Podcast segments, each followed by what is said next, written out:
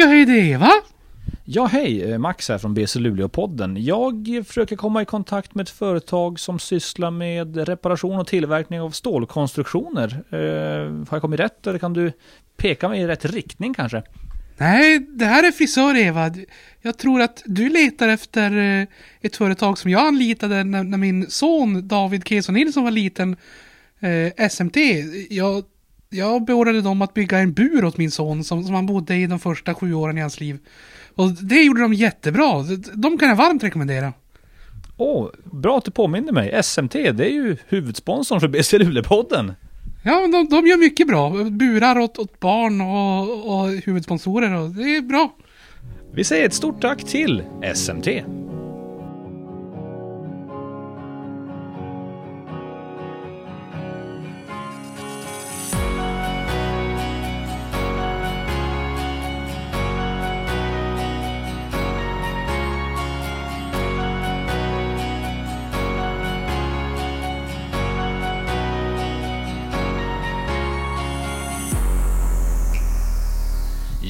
Ja, hallå där basketvänner och varmt välkomna till ett nytt avsnitt av BC Luleå-podden 2021 skriver vi nu. Det är årets första avsnitt och det är med öppen famn vi välkomnar er tillbaka in i den värmen som stavas BC Luleå-podden. Jag heter Max Wik, min gode vän David Keson Nilsson, han är med oss! Vad kul att du är här. Helvete, jättekul. Jag blev riktigt laddad av din inledning här. Vilken jävla skjuts det blev. Satan. Ja, jag har fått komplimanger idag av eh, assisterande tränare Håkan Larsson för att jag är så färgglad och positiv och mycket skön energi. Ja, du, du har ju faktiskt en tröja med gräsänder på. Gräsänder är jättefina. Så, så det, han har helt rätt Håkan, som, som alltid. Ja men eh, det var länge sedan sist och det säger vi varje gång. Men jag säger det igen, eh, det gör ingenting. Hur är läget med dig? Vad har hänt sen sist? Eh, oj, jag kommer inte ens ihåg när sist det var. Så förmodligen har det hänt ganska mycket. Eh, jag vet som inte, det var, en, det var en stor fråga. Jag har haft eh, corona. Så jag har legat hemma en vecka och tittat på Star Wars. Eh, det, det, det är nog det kanske mest eh, kännbara som har hänt. Kanske. Hur mådde du under när du hade covid-19?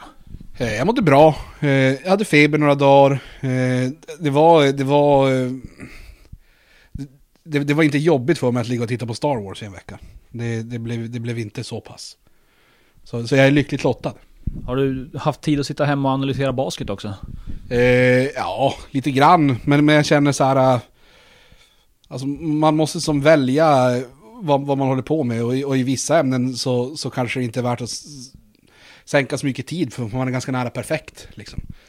Eh, det hjälper till, till, exempel inte min mamma så mycket att, att träna på att klippa hår. För hon är redan ganska bra på det. Eh, men att träna på andra saker, det, det gör hon ganska mycket. Så, så jag är ju ganska perfekt som i allt som har med basket att göra. Så då, då passar jag på att utbilda mig i Star Wars istället. Du är en klok man. Eh, just nu då, BC Luleå ligger på femte plats i tabellen när vi skriver 12 januari 2021. Eh, hur ska du recensera BC Luleås säsong så här långt? Ska jag säga att det är nio lag i ligan? Eh, nej, men det är alltså en, en svår säsong eh, med allt vad det innebär. Alltså allting från från coronasituationen, alltså på det mest kännbara sättet att folk faktiskt blir sjuka i laget till, till sponsorpengar och sånt där som, som faller bort. Så, så på fler sätt än ett så drabbas det ju, så det är en svår säsong. Sett utifrån förutsättningarna och, och vad man jobbar med så tycker jag det har gått bra. Ehm, jag, jag, tycker att Peter och Håkan eh, Larsson och Ökvist gör, gör det bra hittills. Eh, jag tänkte vi ska prata lite grann om styrkor och svagheter och vad som karaktäriserar årets trupp av BC Luleå. Det kan man kan säga att vi är inte särskilt stora. Size är inget vi har i överflöd. Eh, vi har några spelare som är listade där runt två meter, men den e- enda som egentligen väl är över två meter, det är ju AJ Davis. Eh, Steven Davis står som 2,03, men han är väl kanske egentligen i, sanningens namn 1,97 möjligen. Tim Kearney står som två meter och det vet ju alla att det stämmer inte. Men det är positivt då kan vi säga att, eh, och det la vi ut en liten grafik på idag, att vi har ju flest assists per match i ligan eh, med 18,75 per match. Och det är ju, det vet jag ju är ett uttalat mål hos coachstaben att vi ska ha, ligga högt vad gäller assist. Eh, vilket borde vara förhoppningsvis ett tecken på, på bra bollflöde och så vidare. Vad säger du om det? Eh, nej men, men traditionellt brukar väl vara det, det, det som är intressant med det, det är väl att trots att man leder på, vad var det, 18, någonting, så känns det ändå som att det finns ganska mycket utrymme att förbättra just den, den biten av spelet. Så, så det är talar väl för att det finns mer potential i truppen liksom. Eh, och sen behöver man kanske ha tålamod och jobba dit. Jag, jag tror inte det är en jättelätt väg, men, men potentialen finns ju där. kanske. Sen en liten eh, analys jag drar ur arslet sådär. Nu är väl att eh, vi ligger tvåa per, eh, när det gäller poänggörande också. 90,50 poäng per match. Det tror jag inte vi brukar göra. Och jag vet inte om det är någonting som vi eftersträvar att göra heller. Men vad kan man säga om det? nej, men det är väl några individuellt skickliga spelare kanske som, som drar upp det där. Jag, jag tror jag håller med. Hade, hade coachstaben fått välja mellan att ligga tvåa i insläppta poäng eller i gjorda poäng så tror jag man hade föredragit att göra i, i insläppta poäng. Eh, men, men jag har ingen djupare analys att dra än så. Liksom. Adam Rönnqvist har varit vass på slutet. Ja, det är korrekt. Vi, vi är ju det lag som skjuter näst flest treor per match. Eh, och det, det kanske inte är så konstigt om man har ett, en kortare trupp och eh, försöker spela en ganska modern basket. Eh, vi skjuter 32,8 treor per match. Däremot eh, vad vad gäller procenten är ju inte något att skriva hem om direkt. 34,26 procent, fjärde plats där. Ehm, den behöver ju kanske höjas eh, och det är väl, det är väl en det är väl enkelt att säga, vi måste skjuta bättre, men det är så mycket mer som, som eh, ligger bakom en sån grej. Men för att vi ska kunna bli bättre i, ta i tabellmässigt så är det väl en, ganska viktigt. Ja, det är det ju. Samtidigt så, så här, men om, om du kommer upp i nog hög volym och, och du stannar över någon, på någon här 34-35 procent så är du ju fortfarande bra i, i poäng per anfall mätt. Eh, menar, det är som att ligga fortfarande över 50% på två år om man räknar matten på det. Eh, så, så på det sättet, ja det är klart att man kanske hellre hade velat ligga som lag kring 38-30 någonting. Jag vet inte vad, vad som är rimligt. Men, men jag menar, de kommer upp i volym bra och oftast på vettiga sätt liksom. Ehm, så det är bara att fortsätta lasta kanske. Det, det som eh, man har hört från eh, staben och Peter Ökvist, headcoach, har pratat en del om är ju försvarsspelet. Jag tror att det finns ganska mycket utvecklingspotential defensivt för oss. Vi har några defensivt starka spelare i form av till exempel Steven Davis, eh, Denzel George, Daniel Hansson är ju alla tre duktiga bollförsvarare.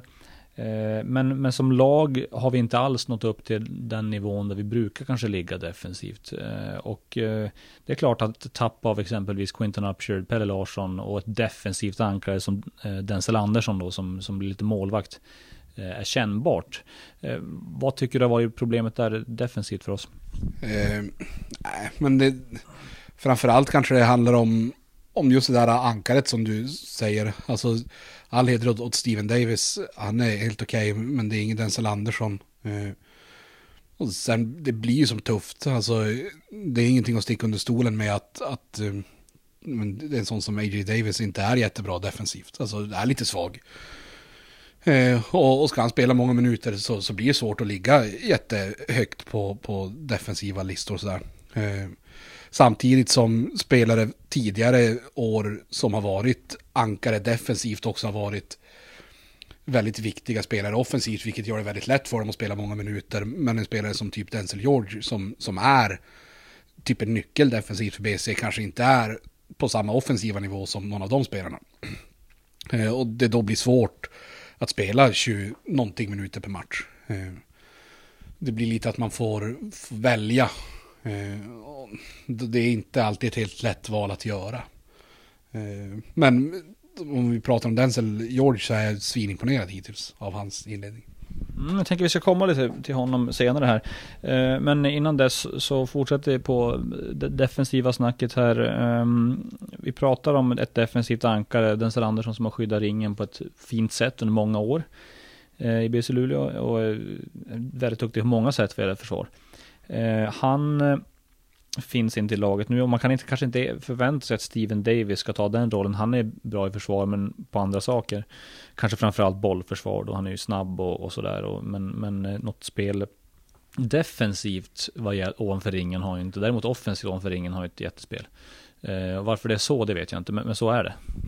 Nej men och det är ju det så här, ja, men han, han tillför absolut någonting som man skulle, eller som man kanske är nöjd med och skulle kunna vara nöjd med som, som en tredje amerikan i ett sånt här lag. Men, men han är absolut inte på den mångfacetterade nivån som typ Denzel Andersson är. Alltså det, det är höga krav att ställa för det är väldigt få spelare som är så. Men, men det är ju en, en stor nyckel till, till varför BC kanske inte är det de var förra året. Definitivt. Ja, då ska ju sägas att Denzel Andersson, han har ju tränat med BC Luleå i ett antal veckor nu.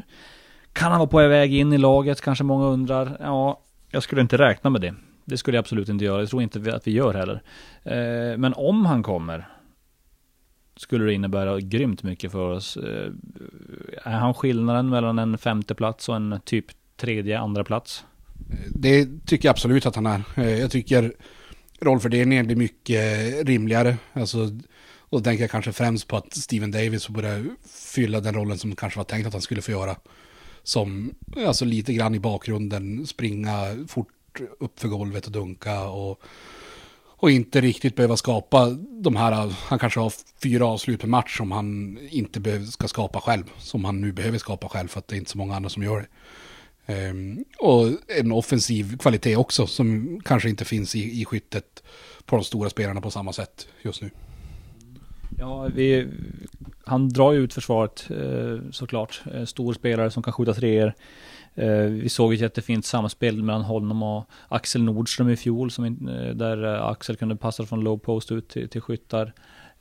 Får man en stor kille som kan dra i den kontinuerligt naturligtvis så öppnar det upp för alla. Ja, det är inget snack. Och, jag menar, det, det, tycker jag man ser ganska tydligt i år. Alltså, det är som, inte så många som är ett, ett hot utifrån. Eh, Eh, Daniel Hansson drar i lite grann, men mycket från, från fångst och sådana där grejer. Eh, och jag menar, det är viktigt att dra i sådana också, men, men det är inte jättemycket jättetuffa treor. Eh, och sen är det Adam Rönnqvist och sen är det inte så många som skjuter jättehög procent därifrån.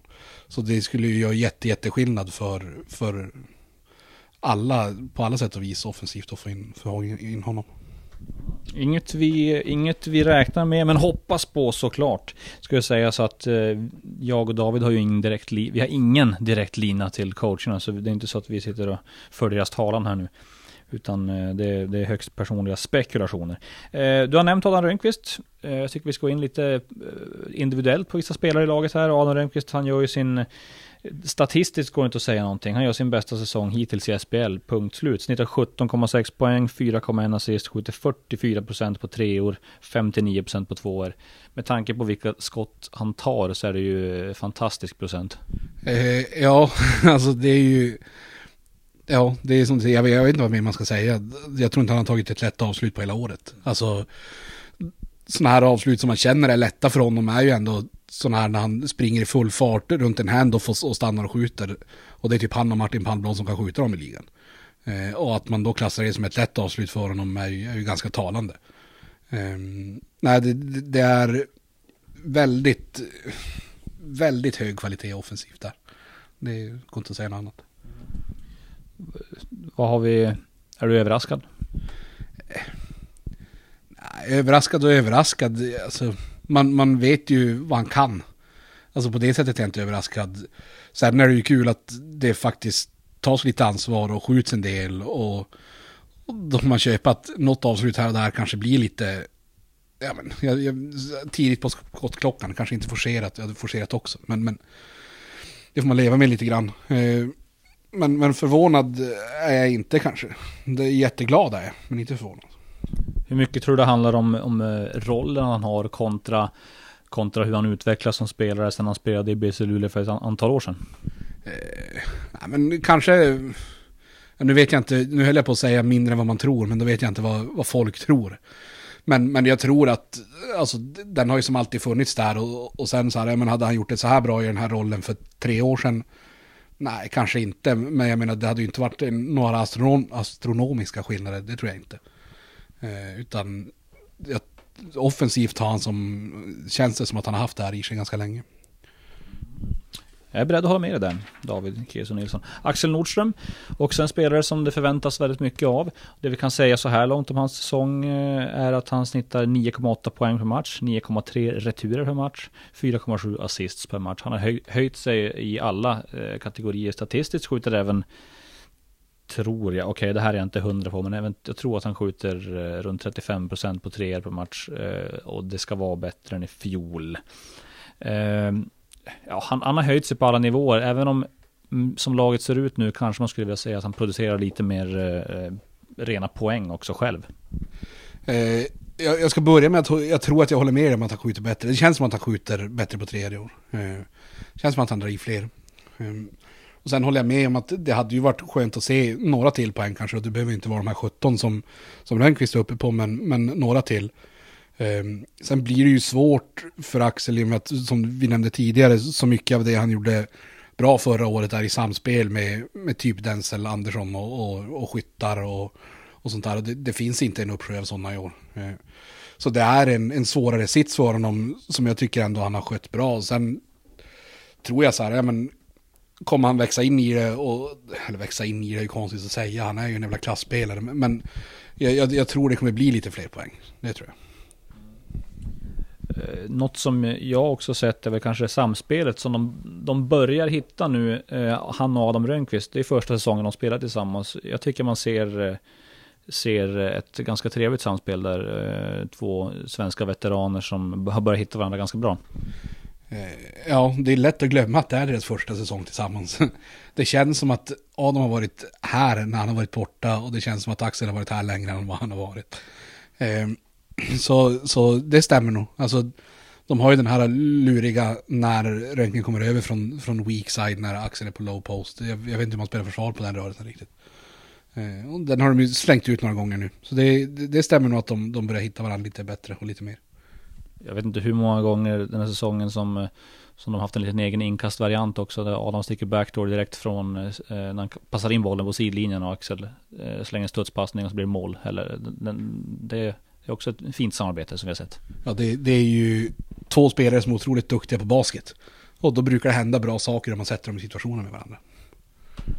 Underbar analys. Eh, Daniel Hansson har tagit stora kliv framåt. Eh, han, han höjer sig poängmässigt, han höjer sig eh, vad gäller speltid, eh, tror jag också. Eh, och han skjuter 46% på tre, från trepoängslinjen, tvåa i hela SPL. Eh, många, han är ju framförallt väldigt duktig catch and shoot-skytt. Eh, och eh, vi måste ha, vi behöver, alltså vi är väldigt beroende av att ha spelare som kan dra i bollen utifrån som laget ser ut nu och har varit det under lång tid. Eh, så det är ju väldigt viktigt och välkommet att han eh, gör det. Eh, så är det, alltså Daniel tycker jag har tagit jättestora kliv i år. defensivt har han alltid varit, alltså han har alltid hållit ligaklass. Det, det, det tycker jag inte är något snack. Sen tycker jag han har tagit jättestora kliv i år i hur säker han är med bollen och hur säker han är i beslutsfattning och hur trygg han är i, i sig själv och spelet. Och så sen skyttet som du säger, alltså, det är ju inte att förminska någonting att säga att det är mycket catch and shoot. Alltså, det står på rätt ställe, ett snabbt skott när han fångar den, alltså har bevisat att han i år dels är mycket mer konsekvent i, i de lägena och dels faktiskt drar i lite andra sorts avslut också. Alltså, det kan vara någon trea från dribbling och, och det kommer aldrig bli som för typen spelare som Adam Rönnqvist. På det sättet kommer det inte bli. Men, men det känns som det är en, en helt annan eh, arsenal offensivt. Och om, där vet jag inte heller om man ställer samma fråga med Daniel Hansson som, som vi pratade om med Adam Rönnqvist. Hur stor skillnad är det på är det bara roll eller är det faktiskt någonting som har hänt? Eh, där är det en svårare fråga. Alltså, jag tror han kanske känner mer trygghet i sin roll. Alltså, han, han måste som producera för att BC ska vara bra. Eh, och det har han tagit jätte, jättebra. Jag är imponerad av Daniel hittills år. Ja, vi såg ju inte minst då senast mot Fryshuset här när han eh, slog personligt poängrekord i SPL med 24 poäng. Eh, och de allra flesta var ju tre poängare då. Kan, inte alla kanske, no, eh, tror jag inte. Nästan. Nåväl, eh, vi har eh, unga killar utöver det också som, eh, som tar kliv framåt. Vi pratade inför säsongen om, om uh, unge Jonathan Arvidsson från uh, Luleåson. Som eh, vi, vi sa skulle överraska många. Han har eh, haft, han har blandat, eh, inte kanske jätteoväntat, så han har blandat riktigt bra insatser med insatser då han inte riktigt kommit till sin rätt. Nu på sistone tycker jag han har varit duktig. Vad ty- hur skulle du recensera Jonathan Arvidsson så här långt? Eh, nej men jättestark start och sen kanske en liten dipp. och sådär. Men, men som du säger, det kanske man förväntar sig lite grann att det skulle vara lite upp och ner. Eh, jag, jag räknar det här som hans första säsong i ligan egentligen. Eh, och man kanske behöver ett år under bältet eh, innan man som börjar hitta en trygghet. Eh, speciellt när han som spelare är så pass aggressiv och, och det bygger så pass mycket på, på målgörande och, och sådana grejer offensivt. Då är det svårt att kliva in på en, på en ny hög nivå och, och, bara producera. Liksom. Alltså man behöver begå några misstag och du behöver lära dig vad som funkar och inte funkar och, och i vilka lägen du kan göra vad. Och det tycker jag han gör bra. Alltså det som inte får hända är att han blir passiv. Alltså då slösar han ju bara bort minuter. Fortsätter han vara aggressiv men, men kanske begår misstag här och där så, så kommer han ju ta kliv. Eh, och, och, det tycker jag han har gjort jätte, jättebra. Det är väl det som är hans jobb i år egentligen. Och de gånger det blir passivt eh, och när vi möter olika typer av försvar. Men mot Köping till exempel har, har vi sett att Daniel Hansson har varit väldigt viktig. Eh, för det, det, är ganska mycket zon vi får möta den här säsongen. För att, Eh, ja, av olika anledningar. Och då, och då, har vi velat ha in till exempel Daniel Hansson och då har speltid sjunkit på Jonte. Eh, så att det, det beror lite på hur möter för typ av försvar också eh, när, han, när han funkar som bäst. Jag tycker till exempel när vi möter Nässjö som sätter jävligt hård bollpress på garder och så vidare. Då passar det perfekt för att han är så pass snabb och drar förbi dem och skapar någonting ur det. Nej, men jättebra analys Max. Eh, stolt. Eh, nej, men, men det är väl ingen snack. Så är det ju. Och det skulle väl kunna vara någonting av en styrka. Alltså kanske framförallt om man får bli lite kritisk så här. Ja, men hade framförallt AJ och Trey Murray varit bättre eh, och, och kunna, alltså man hade kunnat lita på dem mycket så hade det varit en jävla styrka att ha tre så pass olika spelare som Jonte Arvidsson, Daniel Hansson och, och Denzel George. Liksom. Eh, I precis som du säger, ja, men, i den här fasen i hans karriär kanske lag och försvar passar sämre för, för Jonte. Men de kanske passar bättre för Daniel och då är det lätt att, att ta sju minuter från någon och ge dem till någon annan. Och, och sådär. Ehm, så, så det en, en, skulle kunna vara en stor styrka i laget. Liksom. Att de är så pass många, eller olika, de spelarna. Håller med dig. Du nämnde ju Denzel George tidigare och vi ska prata vidare där. Han har ju han har varit en överraskning för mig. Eh, jag har inte sett jättemycket av honom när han spelade på RIG Luleå här. Eh, man har ju sett att det är en spelare med bra fysik och kunnat anta och hört att defensiven är en styrka. Eh, men jag, måste säga att han har överraskat. Fått på sistone också framförallt viktiga minuter, gjort jättefina insatser. Defensivt framförallt. Eh, nej, det är inget snack. Alltså, han är en sån där spelare som, som så har lätt, eller lätt ska jag inte säga, alltså det, det förminskar lite grann, men, men en sån här spelartyp som, som ganska ofta kan ta ett kliv till nästa nivå. Alltså, mycket bygger på ja, men fysiken. Ehm, den kommer som inte förändras om någonting så blir den bara bättre. Eh, en energispelare sätter mycket press. Alltså kommer kunna slida med folk. Kommer vara nog stark för att stå emot även på nästa nivå. Eh, vilket han uppenbarligen visar. Eh, det man kanske var lite orolig för var det offensiva spelet. Eh, och där tycker jag han har, har kommit in mycket bättre än vad jag trodde. Alltså det, det, man, det jag kände det var, men defensivt kommer inte vara något problem. Alltså att hjälpa till i returtagning och alla sådana där bitar, det, det kommer funka. Men det offensiva spelet har varit mycket bättre än vad jag trodde. Alltså i... Ja men attackerar i bra lägen. Alltså har ändå börjat få någon slags liten ryggsäck med vad jag kan göra när försvarare gör olika saker. Och, och på ett sätt som, som jag inte hade förväntat mig. Det, det är väl trepoängsbössan man, man hoppas kommer igång lite grann, men, men han är ung och det är tidigt. Och det känns jättetryggt att får han två år till på sig att växa in i någonting så, så är det en jätteetablerad ligaspelare. Kan han hitta en pålitlig trepoängsbössa då, då kan han också hitta pålitligt med minuter. För det är ju inte så att han varje match har, har, fått, har fått minuter utan det, är ju, det har ju varierat eh, helt klart. Och eh, det är klart att det, det, blir lite lättläst eh, om, om man kan kliva av någon eh, och, och tvinga dem till att skjuta. Och, och, det är den här klassiska iskalla jävla taken att det behöver inte vara 45 procent i frågan om, men nu vet jag inte vad han skjuter i år heller. Alltså han kanske skjuter 30 någonting. Men, men jag menar, om han kommer upp i, vad är BC som lag i år så har vi 34, men ligger han där 33-34, då, börjar, då kan du som inte backa. Och det är kanske där han behöver hamna. Och det är görbart. Alltså, det, han har ju ingenting inbyggt i skottet som gör att det inte borde funka. Eh, och jag tycker när han bara står och skjuter på träning och efter träning så, så drar han ju i och det ser vettigt ut. Så det där kommer komma, det känns jättetryggt. Ja, många spännande unga spelare i årets upplaga av BC Luleå. Om vi tittar runt om i ligan lite grann då så, så har vi ju en del som är överraskat. Eh, och jag har tagit fram ett litet MVP-race just nu faktiskt, en topp 5-lista. Eh, där jag tycker att vi gemensamt kan eh, resonera kring eh, var, varför de ligger där och om du håller med överhuvudtaget och vad, vad i deras styrka och styrkor ligger.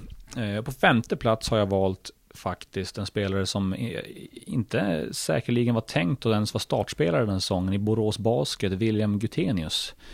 Eh, vad tycker du om honom så här långt? Eh, ja, framförallt kanske säsongsinledningen var stark. Jag har dålig koll på dem hit, alltså senaste matcherna kanske. Eh, men, ja, alltså kan göra många saker offensivt. Jag är på väg att säga att jag tycker han är lite överskattad. Eh, nu sa jag det, så då kan jag stå fast vid det, det är väl lika. Eh, men samtidigt så här femma i ett MVP-race, ja det kanske han ska vara. Alltså Borås har ju gått bra. Eh, och han är en stor del i det. Så ja, varför inte? Det är klart, man hade kunnat sätta till exempel markklassen här i sina bästa stunder, jättebra spelare. Eh, får ju dessvärre några brutala hjärnsläpp ibland, men det är ingen snack, han är en bra spelare. Man hade kunnat ha Marek Klassen femteplats här också. Nu valde jag Willem Gutenius för jag tycker att han har, han har, han har ju förbättrat sig. Han tar, han tar returer i år. Eh, säkert 7-8 per match. Eh, han eh, drar i utifrån, det känns fan inte som att han, även om hans procent är lägre än vad jag trodde från trepoängslinjen så känns det fan inte som att han missar någonsin. Han, han börjar ta den till ringen från, från eh, attack från trepoängslinjen när de måste respektera hans bössa och smäller i dunkar och jag tycker att han har gjort en jättefin säsong, William Gutenius. Och därför är han på femte plats för mig. På fjärde plats har jag valt Jämtland, en Jämtlandsspelare och Jämtland har ju inte gått bra den här säsongen. De är väl långt under sin egen och många andras förväntan. Eh, de har fler förluster än vinster till och med. De gör sin största satsning i klubbens historia. Och eh, det är inte många som ifrågasätter dem för det, utan de får, de får jobba på. Eh, och där har vi då Tavrion Dawson har jag satt på fjärde plats. För att han är ju deras eh, offensiva utan honom vet jag inte vad de hade gjort offensivt. Eh, nej, han, han, är ju motorn i det där. Alltså, och framförallt i ett offensivt spel som kanske inte har klickat svinbra alla stunder. Jag ska säga, jag har inte sett svin mycket av Jämtland heller. Men, men han behöver ju vara där. Alltså så är det ju. Eh, Jämtland har underpresterat, men, men jag menar utan tävlingen så, så hade de ju underpresterat något jävligt. Alltså det, det, det, hade ju blivit svårt att få någonting gjort. Eh, men ja, som du säger, så Jämtland toksatsar, underpresterar. Ja, det, det är tufft. Ja, anledningen att han inte hamnar högre är ju på grund av Jämtlands, hur de har presterat som lag. Eh, och eh, Dawson gör mycket poäng. Eh, han skjuter bättre trepoängare än vad jag hade väntat mig. Dessutom kommer han ju tillbaks från en, från en bruten fot som har hållit honom borta från spel i ett år typ. Så att det, det, gör, det sätter ju det hela lite i perspektiv. Eh, men eh, ser lite kantigt ut ibland kanske, men eh, effektivt är det onekligen. Eh, på tredje plats har jag valt eh, BC Luleås Adam Rönnqvist. Eh, av nämnda anledningar då. Han gör sin bästa säsong någonsin. Har, han tillför någonting i dagens BC Luleå som ingen annan spelare gör. Utan honom så löser vi inte många av de här situationerna som uppstår ibland när spelet går i stå, det är sent på klockan, vi måste hitta på någonting. Och han har gjort det med den äran den här säsongen. Ja, det, det håller jag med om. Jag tror tredje plats är ganska rimligt. Alltså, mm, ha bättre record än, än Jämtland och sådär. Alltså, och som du säger, om, om, jag, om jag tyckte att Tavrion var, var motorn i Jämtlands offens så, så är det ingen snack om att Adam Rönnqvist är för BC Luleå. Alltså, det är speciellt när, när Luleå som inte hittills har hittat det här flytet, flödet kontinuerligt i anfall eh, i 40 minuter. Så behöver man som någon som kan bryta mallen och det är som ingen som är effektiv på att göra det i, i BC Luleå förutom Adam Rönnqvist. Så på det sättet är han ju otroligt viktig. Eh, och för att inte tala om så här, jag vet inte fan om jag har sett en svensk spelare i ligan vara mer klatsch än, än Adam Rönnqvist. Alltså i sådana här slutet av matchens situationer. Han hade väl någon match nu, han ligger på 5-6 poäng hela matchen känns det som. Och så gör han nio raka när matchen ska avgöras. Alltså det är, ja, det är som du sa, han bidrar med saker som inte finns i truppen utöver honom. Alls. Ja, det, så har jag resonerat lite grann när jag har tagit ut den här listan. Jag gjorde det ganska snabbt, det tog två minuter ska vi sägas. Eh, men jag har eh, vägt in faktorer som, vad händer om du tar bort den här spelaren från laget? Vad, vad är de då? Och eh, när det just gäller Adam Rönnqvist så tycker jag det är ganska tydligt vad som händer om man tar bort honom. Eh, på andra plats, så här vet jag inte om alla håller med mig, eh, där har jag stoppat Adam Ramstedt. Norrköping leder ligan just nu. Adam Ramstedt, jättefina siffror, gör sin livssäsong. Är han lagets mest värdefulla spelare? Ja, i viss mån. Det finns många som, som gör det bra i Norrköping, så det var lite svårt. Men det, men det känns ändå, på något sätt är han värd den, med tanke på vilken jättefin säsong han har gjort. Eh, ja, eh, jag håller med. Det, det, det, känns väl lite som eh, William Gutenius på, på steroider. Alltså i eh, mycket bredare offensiv repertoar än vad man kanske tänkte innan, i alla fall jag. Eh, Känns som att han är mål på, på flera olika sätt och är bara jättebra. Alltså, jag, jag tycker inte det är något snack. Eh, han, han, är där han ska vara och, och det är som du säger så här, men det är alltid svårt att göra en sån här lista. Är det, alltså är det den bästa spelaren man rankar eller är det den bästa spelaren i det bästa laget? Eller är det den som gör störst skillnad för att man, om man tar bort honom, eh, och på i princip alla de premisserna eller kategorierna så, så blir Adam Ramstedt rankad högt. Det är inget snack. Så jag tycker han ska vara där. Ja, verkligen. Jag skulle bli väldigt förvånad om han spelar i Sverige nästa säsong efter, om han fortsätter hålla den här nivån och får vara skadefri. Eh, han tar returer, han gör poäng eh, och så Karn är väl typ 208 också så att jag menar det, det kan, det känns som att han har lite mer lite mer kontinuerligt dra i den från trepoängslinjen också. Och börjar, börjar han göra det ännu mer, då vet jag fan alltså, då, då blir det jobbigt, jobbigt att försvara. Ja, absolut. Och han fick ju någon, en bra match i, i landslaget också. Eller mm, några bra insatser där. Så jag håller med, jag skulle bli mycket förvånad om han är kvar här. Ja, och på första plats då, jag tror att det, där tror jag däremot inte att det råder något större tvivel. Och där har vi Viktor Gaddefors som leder poängligan i SPL. I laget som ligger två, eh, Södertälje. Han är lite, spelmässigt ser han ut som någon form av svensk Giannis Antetokounmpo. Eh, och eh, det är ju jättesäsong, kanske inte superförvånande. Han har ju spelat utomlands på hög nivå i många år. Eh, jag vet inte vad man ska säga mer. Nej, alltså supereffektiv, jätte, jättebra. Ehm, framförallt roligt för att det, det är kul när man tittar på Södertälje som ändå vågar satsa på lite ungt och, och lite unga spelare och, och lite up and coming folk sådär. Att han som visar vägen för dem. Det tycker jag, det är också, det säger mycket om honom liksom. Alltså det, det är häftigt hur, hur man kan kliva in i ett i ett sånt or, alltså orutinerat omklädningsrum och visa vägen och göra det på det sättet och, och match efter match efter match. Det, det är häftigt. Orutinerat omklädningsrum pratar om det? Ja, de, de, de har ju byggt, alltså de är väldigt unga. De är väldigt unga. Eh, och satsar ju mycket på de här egna unga, unga produkterna. Eh, och då behöver man ju någon som Viktor Gaddefors. Han är ju perfekt i den rollen. Alltså både för att han är jätte, jättebra på basket och han verkar ju säkert vara en vettig folk också kanske. Du tänker, du tänker ungdomar, då tänker du på Dino Pita 32, eh, Anton Gaddefors 31, Lazar Radosavljevic 30. De spelarna. Ja, precis. Ja, exakt de. Alltså, det, det, var ju så man kommunicerade tidigt i alla fall. Ja, det jag tycker är så, det är ju så. Alltså, det, det är väl ingen idé att säga någonting annat. Eh, William Kemori får ju spela flera minuter per match ibland. Kanske. Ja, du, ännu en gång slår du huvudet på spiken, David Keso Nilsson. Eh, vi, vi, nämnde som, som tidigt där då Adam Ramstedt eh, tidigare eh, och han på andra plats i vår MVP-lista här, eller min kanske. Jag vet inte om du håller med i allt. Eh, och det, jag vill minnas att det var en podd inför säsongen som pratade om Norrköping och att eh, de här kommer bli bra. Eh, jag kan inte säga vilken det var, men det var BS Rude-podden. Eh, och det var det. Eh, är vi förvånade? nej. Alltså det, det, var ju som jag sa alldeles i början. Det finns ju en jävla anledning till varför jag tittade på Star Wars under hela min jävla sjukfrånvaro och inte höll på med något svammel som typ att försöka lära mig något basket. För att vi kan allt. Nej, men eh, Norrköping, och det är ju naturligtvis så. Vi, sa, vi varnade för Terry Larrier, sa det här kommer vara en bra amerikan. Har det varit en bra amerikan? Jo, det är det.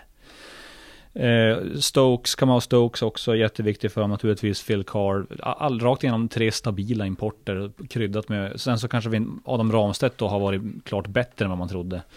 Eh, Tim Skyberg också och, och eh, naturligtvis Felix Terins, de har ju, de har ju alla, de gör en jättesäsong än så länge. Kommer de hålla hela vägen i slutspelet? Vad tror du?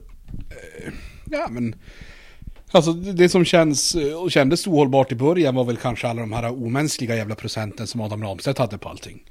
Mm. Men samtidigt så här, om han droppar ner till en halvdödlig nivå på dem, det gör ju inte att hela laget kollapsar liksom. Så jag ser ingenting som gör att de inte kan hålla hela vägen. Eh, kommer väl förberedda till, till matcher, tydlig gameplan, viktigt. Eh, jag ser absolut ingen anledning till varför de inte skulle kunna stå som favoriter när fan nu slutspelet drar igång. Jag har ingen aning när det ska spelas. Det är ingen som vet det nu för tiden. Eh, men de, de har spelare som har förmågan att dra i stora skott. Jag tror inte det är någon som tvivlar om vem som ska göra det i slutet. Eh, det känns som att det är Terry Larrier. Han, han är inte sen att ta på sig det. det.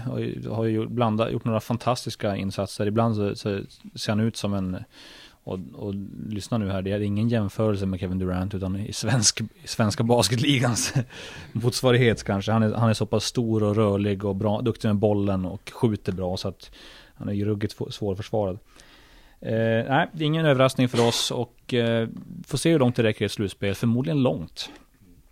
Eh, sen så finns det ju eh, områden i tabellen där det är klart eh, lite jämnare. Det, det, är ett getingbo i mitten där någonstans. Och där ligger ju lag som Köping, BC Luleå, Nässjö, Borås, Jämtland kommer underifrån också. Eh, är det en av de mer oförutsägbara, kanske den mest oförutsägbara eh, ligan så här långt? Ja, det skulle jag nog säga. Alltså, som du säger, det är ett jävla getingbo det gör det väl ännu värre, alltså Jämtlands prestation hittills, att de också ska vara där och, och beblanda sig med den gruppen. Liksom. Vilket jag inte tror att många hade gissat innan.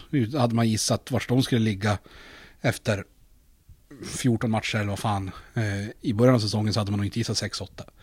Eh, så, så det är ett, ett himlans getingbo och alla kan slå alla känns det som. Och det beror som på, ja, det, det kan gå hur fan som helst. Så jag håller med om att det är förmodligen bland de jämnaste ligorna någonsin, känns det som. Med det sagt, BC Luleå på femte plats. Det har vi sagt. Eh, för att vi ska kunna komma upp och, och etablera oss som topp tre den här säsongen. Eh, vi har alltid målsättningen att spela SM-final. Eh, det är inget vi hymlar med. Men vad behöver vi förbättra då? Har vi, vi har varit inne på det lite grann, men vad krävs för att vi ska kunna klättra lite till i tabellen? Eh, nej men, jag vet inte, alltså, det är som ingenting att hymla med tycker jag att framförallt kanske A.J. Davis och, och Trey Murray behöver ta kliv. Alltså de behöver vara bättre. Um, och sen vet jag inte hur, hur, mycket de har i sig att faktiskt ta de kliven. Uh, men, men litar man på dem så, så måste ju de svara på det på något sätt. Uh, för det är som där det ligger. Alltså, jag vet inte hur mycket mer du kan lägga på Adam Rönnqvists bord. Jag vet inte hur mycket mer du kan lägga på Axel Nordströms bord. Jag vet inte hur mycket mer du kan lägga på Steven Davis. Alltså, det, det är två ganska tydliga bitar som behöver upp. Eh, och det skulle göra jättestor skillnad. Alltså i att Steven Davis skulle fylla en jättenaturlig roll som en, som en tredje amerikan. Eh, och bara bidra med energi och springa och dunka och, och snacka skit. Eh, och låta spelare som Denzel George fylla sina här, 16 minuters med, med, bara psykförsvar istället för att behöva känna att gör inte jag sex poäng på de här 16 minuterna nu så, så blir det tufft för oss att vinna.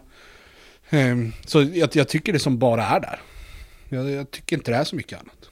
Ehm, det är, jag har ingenting annat att, säga.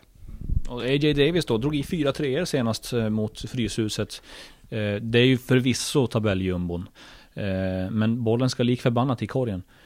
Har haft det jävligt tungt från trepoängslinjen under säsongen. Så att kanske, kanske lossnar det nu. Ja, alltså han hade ju matchen mot Borås och nu, nu mot Frysen då. Alltså och det är klart, börjar man dra i dem där, samtidigt, den procenten ska ju nästan, ja vad fan ska den, tredubblas, tre och en halv dubblas för att den ska vara okej. Okay. Um, så, så det är en lång väg att gå. Um, men samtidigt, äh, små steg varje dag så tar man sig ganska långt på tre månader. Men, men ja, det är inget snack om att det är just på de två positionerna det behöver hända saker. Vem ser du då som favorit till att vinna SM-guld? Är det nämnda Norrköping? Är det Södertälje med sin ungdomliga satsning? Eller är det kanske eh, den regerande asteriskmästaren Borås Basket? Eh, jättesvårt att säga. Alltså, på samma sätt som, som mitten av tabellen känns som ett getingbo så känns det som att vad som helst kan hända där uppe också. Eh, menar, alltså framförallt ett lag som Södertälje, så här, ja, eh, som du sa, unga, orutinerade. Vi får se hur de reagerar i ett slutspel. Eh, sen, sen ska man inte sticka under bordet, det känns som att jag har sagt det tusen miljoner gånger den här jävla poddjäveln. Eh, men det är också så att Södertälje är inte jättedjupa. Alltså en skada på en av de här bärande spelarna och de måste gräva ganska djupt. Då blir det nere på typ lågstadieelever. Eh, ungefär. Ehm, så, så det, det är skralt. På det sättet känns väl Norrköping nästan säkrast. Alltså i att de har många pjäser. Bra djup på så här åtta pers som, som alla. Men jag tycker man kan vara trygg i alla. Um, Borås också. Men jag menar, man ska inte underskatta eh, det här eh, att de, de faktiskt har hittat ett jävla sätt att när de har målat väggarna i arenan och kontoren så har de på något sätt lyckats alltså, ingjuta att förlora i färgen. Vilket är otroligt märkligt. Alltså det är lite som den här schackfärgen på julafton i, i tomtarnas verkstad. Alltså den finns ju inte på riktigt. Det, det, det funkar ju inte. Det är lite samma färg men, men den här är ju på riktigt. Alltså de målade och så sen så här, ja, nej, vi kan inte vinna i slutspel. Det går inte. Så, så det får vi se. Det, tills de har bevisat motsatsen så tror jag inte att de kommer vinna i slutspel. Oh, där sticker han ut hakan David Keso Nilsson. Och vet du vad, jag hade faktiskt egentligen tänkt att vi skulle prata om huruvida det är allas mänskliga rättighet att få sändas på SVT. Uh, eh, en het potatis uh, i basket-Sverige just nu. Uh, Mark Mark verkar driva någon form av kampanj för det här på Twitter. Och, och det är såklart inte en mänsklig rättighet att få göra det. I någon mån måste ju ändå efterfrågan styra det här. Eh, det finns ju statistik på vilka lag som drar flest tittare, man måste väga in det sportsliga. Det är inte så att alla bara ska få vara med och sändas hur som helst, det är ingen social verksamhet. Vad är din take på det här? Eh, nej, jag håller med dig. Alltså, det är, alltså jag tycker verkligen inte att, att alla, jag vet inte om man ska säga så, har rätt, det är klart de har rätten att vara på tv. Alltså, det, det är inte så att jag skulle lägga ner all verksamhet om de skulle visas på tv, men men det, någonstans så måste det styra som du säger, alltså efterfrågan och, och vad för någonting man vill visa upp och så här. Jag, jag, jag tycker inte heller det är en hot take. Alltså det, det finns, jag vet, jag vet inte vad jag ska säga om det där. Alltså, det, det, blir så svårt att, att, det blir en intressant match. Jag ska inte säga så kanske, jag vet inte. Men, men jag, alltså, samtidigt förstår jag ju deras frustration. Liksom. Jag, jag, tycker det är roligt det de gör på sociala medier. det tycker jag faktiskt. Jag brukar ju hata sådana grejer. Jag tycker faktiskt de här grejerna hittills har varit ganska roliga. Eh, så, så det ska de ju fan ha cred för. Eh, men betyder det att jag tycker att alla har rätt till lika representation i tv? Nej, det gör det inte. Eh, men, men stå upp för er sak. Det kommer jag aldrig säga någonting om. Det måste man ju göra. De måste ju tro på sig själva och sin produkt. Något annat hade varit jättetråkigt. Det är väldigt bra sagt. De har, de har ju fått noll matcher, Mark, eh, på tv. Så. Alltså det, det, kan jag hålla med om. Nu vet jag inte. Alltså är det, är det noll matcher i år eller är det någonsin? För vad jag har sett så är det ju att de pratar om att de aldrig har varit någonting på tv liksom. Jag har inte gjort min research, jag vet inte. Nej, men jag kan tycka så här, är det noll matcher i år? Ja, alltså det kanske inte är så jävla mycket att härja om. Alltså jag vet hur många matcher har det varit och och sådär. Är det noll matcher någonsin, då är det så här, det är lite konstigt. Alltså, sen så här, tycker jag att det är det största problemet i svensk basket? Nej, det tycker jag inte. Eh, men samtidigt så, alltså, det är inte så att varje match som går på tv är ettan mot tvåan eller tvåan mot trean eller någonting. Så att, ja. Jag, jag tycker, kör på fan, det är roligt. Och allting som drar uppmärksamhet åt, åt sporten och ligorna, fan kör. Alltså det är så här, men nu är det lite grann på Twitter och det är ju ens egen bubbla, så det, det ska man inte sticka... Fan, jag höll på att säga det igen. Eh, men, det är ju självklart att man bor i, i basketbubblan på Twitter. Ehm, men jag menar, det behövs ju synas mer. Och hur, hur det än, nästan hur det än sker, så kör. Kör. Hur viktigt tror du det är, tycker du att det är till exempel att man, att man eh, visar upp en professionell sida av svensk basket. Att man kanske vill sända matcher från en arena som ser respektabel och proffsig ut istället för att eh, sända från en ribbstolshall. Eh, som ser ut som en gymnastiksal för, på Skeneskolan. Ja, jag, jag skulle säga att det nog nästan är, är en större bit än, än typ matchkvaliteten. Alltså, sen borde man visa ettan mot tabelljumbon alltid. Så, nej, alltså det är kanske inte är så roligt. Men, men jag tycker det största problemet, det, det var ju lite snack om när EOS mötte Helsingborg. Eh, och det tyckte jag nästan, alltså det var ju den stora biten, det är så här, det ser tråkigt ut i den hallen liksom. Alltså, och basketen var så här, men det var en jämn match, det var okej, okay, alltså jag tittar på den. Och jag hade tittat på den igen. Eh, och jag tror mina föräldrar hade säkert tyckt att den var spännande, men jag tror också mina föräldrar hade reagerat på att hallen ser lite halvtråkig ut. Och sen så här, men kan du då bara visa hemmamatcher från här, Norrköping och Luleå Basket eller alltså BC Luleå eller Jämtland, alltså förstår du? Det är så här, nej det kanske inte blir så heller, men det, det blir ju en avvägning i alla aspekter. Fan vad tråkig jag är när jag säger sådär. Det är klart, det, det, det, finns en anledning till att vissa lag syns oftare än andra. Eh, enough said about that. Jättekul att SVT sänder för övrigt. Fan vad kul det är. Det, det är det första man ska säga. Alltså, är valet att, att visa division 3-matcher av basket eh, eller ingenting, ja men då är det division 3. Alltså, så länge det är basket på tv är jag nöjd. Eh, och sen ett sånt här år så kanske det spelar mindre roll också. Alltså, hade det varit en, en vanlig säsong med folk som vanligt på läktaren, då kanske jag ty tycker att det spelar ännu större roll om man visar en match där det faktiskt sitter någon på läktaren. Eller om du visar från, ja men om vi då tar en, en tråkig sporthall med, med 50 pers på läktaren, då, då, tycker jag att det börjar spela ganska stor roll. Eh, men när läget är som det är i år, alltså kanske inte. Alltså man kommer ju undan med mer. Ja, David Diplomaten Nilsson, så får vi kalla dig i det här avsnittet. Ni har lyssnat till BC Luleå-podden. Jag heter Max Wik. David heter Diplomaten Nilsson och vår huvudsponsor är SMT. Stort tack till alla er som lyssnat. På återhörande!